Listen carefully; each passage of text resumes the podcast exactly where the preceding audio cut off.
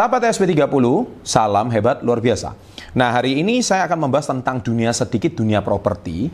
Saya bukan ahli properti, saya termasuk investor properti. Saya juga uh, investasi di uh, apa? apartemen, kondotel, tanah, uh, ruko, ya, rumah, uh, kemudian tanah yang besar, tanah kafling.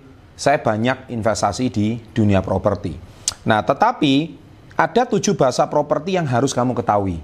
Nah ini dasar sekali, pengetahuan dasar apa saja itu?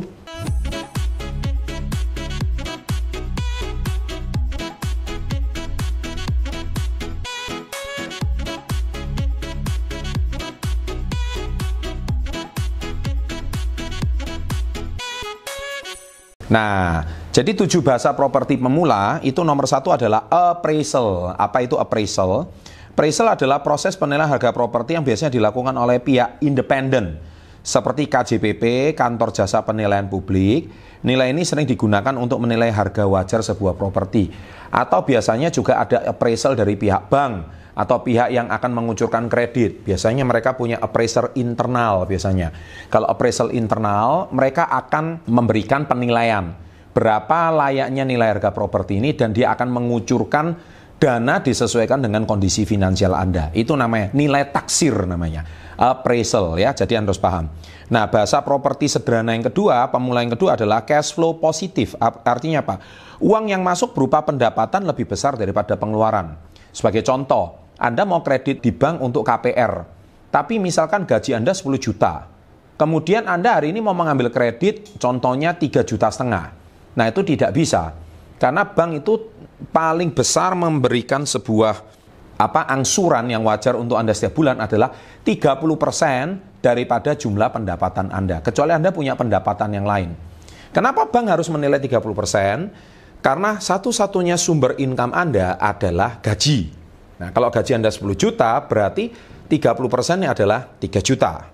Nah, berarti jumlah maksimal angsuran KPR yang bisa diberikan oleh bank adalah jumlahnya 3 juta. Loh, terus 7 jutanya sisanya apa? Bank menganggap itu untuk dana darurat, untuk keperluan sehari-hari dan sebagainya. Jadi tidak mungkin bank akan memberikan sebuah uh, apa? gaji atau sebuah angsuran yang melebihi daripada jumlah 30% dari pendapatan utama Anda. Kecuali Anda bisa membuktikan sama bank bahwa Anda punya sumber pendapatan yang lain. Misalkan sumber pendapatan yang lain Anda punya usaha kecil-kecilan yang mana kelihatan di rekening bank. Loh, ini masuk sekian. Nah, itu sekian. Berarti Anda bisa uh, mengangsur dengan jumlah 3 juta setengah. Ya, itu jelas. Itu namanya cash flow positif. Yang ketiga adalah occupancy rate, ya, occupancy rate. Maksudnya apa? Persentase adalah jumlah kamar yang disewa dengan jumlah seluruh kamar yang untuk properti tersebut sehingga semakin tinggi presentasi occupancy rate-nya maka akan semakin bagus. Jadi artinya ini kredit yang akan dicairkan untuk rumah kos atau rumah hotel ya atau termasuk hotel atau motel biasanya. Nah, itu kredit itu dia juga akan melihat berapa jumlah traffic atau orang yang penghuni, okupansi. Kalau okupansi rate-nya semakin tinggi, contohnya 70%, 80%, nah kreditnya juga bisa dicarikan cukup bagus karena di situ sudah ada sumber pendapatan.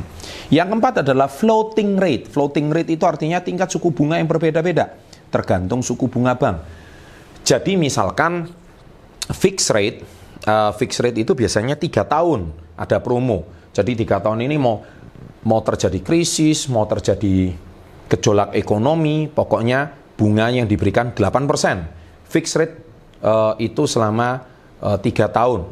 Nah, itu Anda sudah dikunci tiga tahun bunganya 8%. Tapi misalkan di tahun keempat uh, itu sudah berlaku floating rate. Nah, floating rate adalah bunga yang tidak menentu. Misalkan kalau bunga pasar saat itu 9%, ya Anda harus mengikuti bunga pasar 9%. Tapi kalau misalkan bunga pasar saat itu sudah menurun lagi 7%, ya Anda lebih profit 7%. Tapi fixed rate itu sudah dikunci selama 3 tahun. Jadi istilah-istilah dasar ini Anda harus paham ya. Kelima adalah capital gain. Nah, capital gain adalah keuntungan yang didapat dari hasil penjualan properti. Jadi properti itu capital gain itu seperti apa? Seperti kayak ruko, uh, tanah, ya itu adalah capital gain. Jadi nilai harga propertinya. Jadi dari tanah dan bangunan. Kalau misalkan nilai tanah dan bangunannya itu mengalami kenaikan, maka ketika Anda jual, Anda beli 1M, Anda jual 2M, maka Anda mendapatkan keuntungan 1 miliar dalam jangka waktu sekian, dalam jangka waktu tertentu. Itu berarti Anda mendapatkan keuntungan dari properti tersebut dari capital gain, yaitu dari penjualan hasil propertinya, penjualan tanahnya maupun penjualan bangunannya, ya. Yang keenam, yaitu yield. Yield itu artinya apa? Keuntungan yang didapat dari nilai sewa per tahun dibagi harga properti. Misalkan harga properti satu tahun, 1M, harga sewa 30 juta per tahun. Nah, berarti itu kan lebih kurang 3 persen.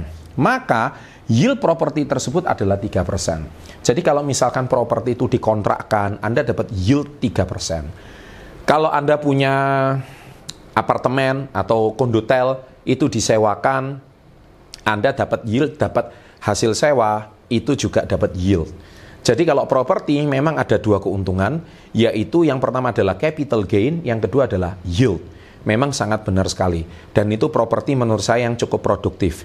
Kalau mau dijual tidak mudah, tetapi selama capital gainnya tetap naik dan kemudian yieldnya itu juga memberikan imbal hasil yang lumayan, maka harusnya properti itu bisa dijadikan passive income. Ya, dan sekarang apakah properti selain yang bisa dijadikan passive income yaitu sepertinya rumah kos, kemudian e, apartemen, kondotel, ya, termasuk rumah yang dikontrakkan. Tetapi sekali lagi kalau menurut Robert Kiyosaki, rumah itu tidak bisa dikatakan e, aset. menurut beliau liability. Mengapa? Yaitu sudut pandang beliau. Karena menurut beliau rumah itu e, perawatannya mahal, ya. Jadi kalau perawatan mahal meskipun disewakan, hasil kontraknya itu tetap uh, tujuannya untuk merenovasi rumah itu kembali akhirnya ya hasilnya nggak seberapa ya jadi belum bisa dikatakan itu sebagai sebuah aset dan juga rumah itu kalau nggak ada yang sewa pasti rusak ya itu masalahnya kalau di rumah oke okay? nah saya mau cerita tentang istilahnya aja saya nggak mau bahas tentang uh, investasi bagus di mana itu anda silakan lihat video yang lain dan yang ketujuh adalah rental guarantee itu istilah yang diberikan di properti yaitu artinya jaminan sewa dari manajemen properti kepada pemilik properti yang rata-rata angka wajarnya 5 sampai 6% per tahun. Biasanya developer yang properti menjual apartemen itu dia memberikan rental guarantee 2 tahun di awal. Biasanya demikian untuk menarik daya minat pembeli. Contohnya, dia garansi pasti akan ada penyewa selama 2 tahun di awal. Nah, tahun ketiga itu sudah nggak ada rental guarantee lagi, tapi juga tergantung okupansinya. Biasanya rental guarantee itu diberikan kepada mereka-mereka yang e, mereka itu punya unit properti dan mereka menjual kepada si investor. Ya, jadi ini adalah tujuh istilah properti pemula yang harus anda ketahui. Minimal kalau anda sudah ketahui, setidak-tidaknya Anda punya pengetahuan setelah Anda nonton channel Success Before 30. Terima kasih sudah nonton video kali ini. Jangan lupa like-nya, dan ada dua video di sini. Silakan share kalau video ini bermanfaat untuk Anda. Sukses selalu, salam hebat luar biasa.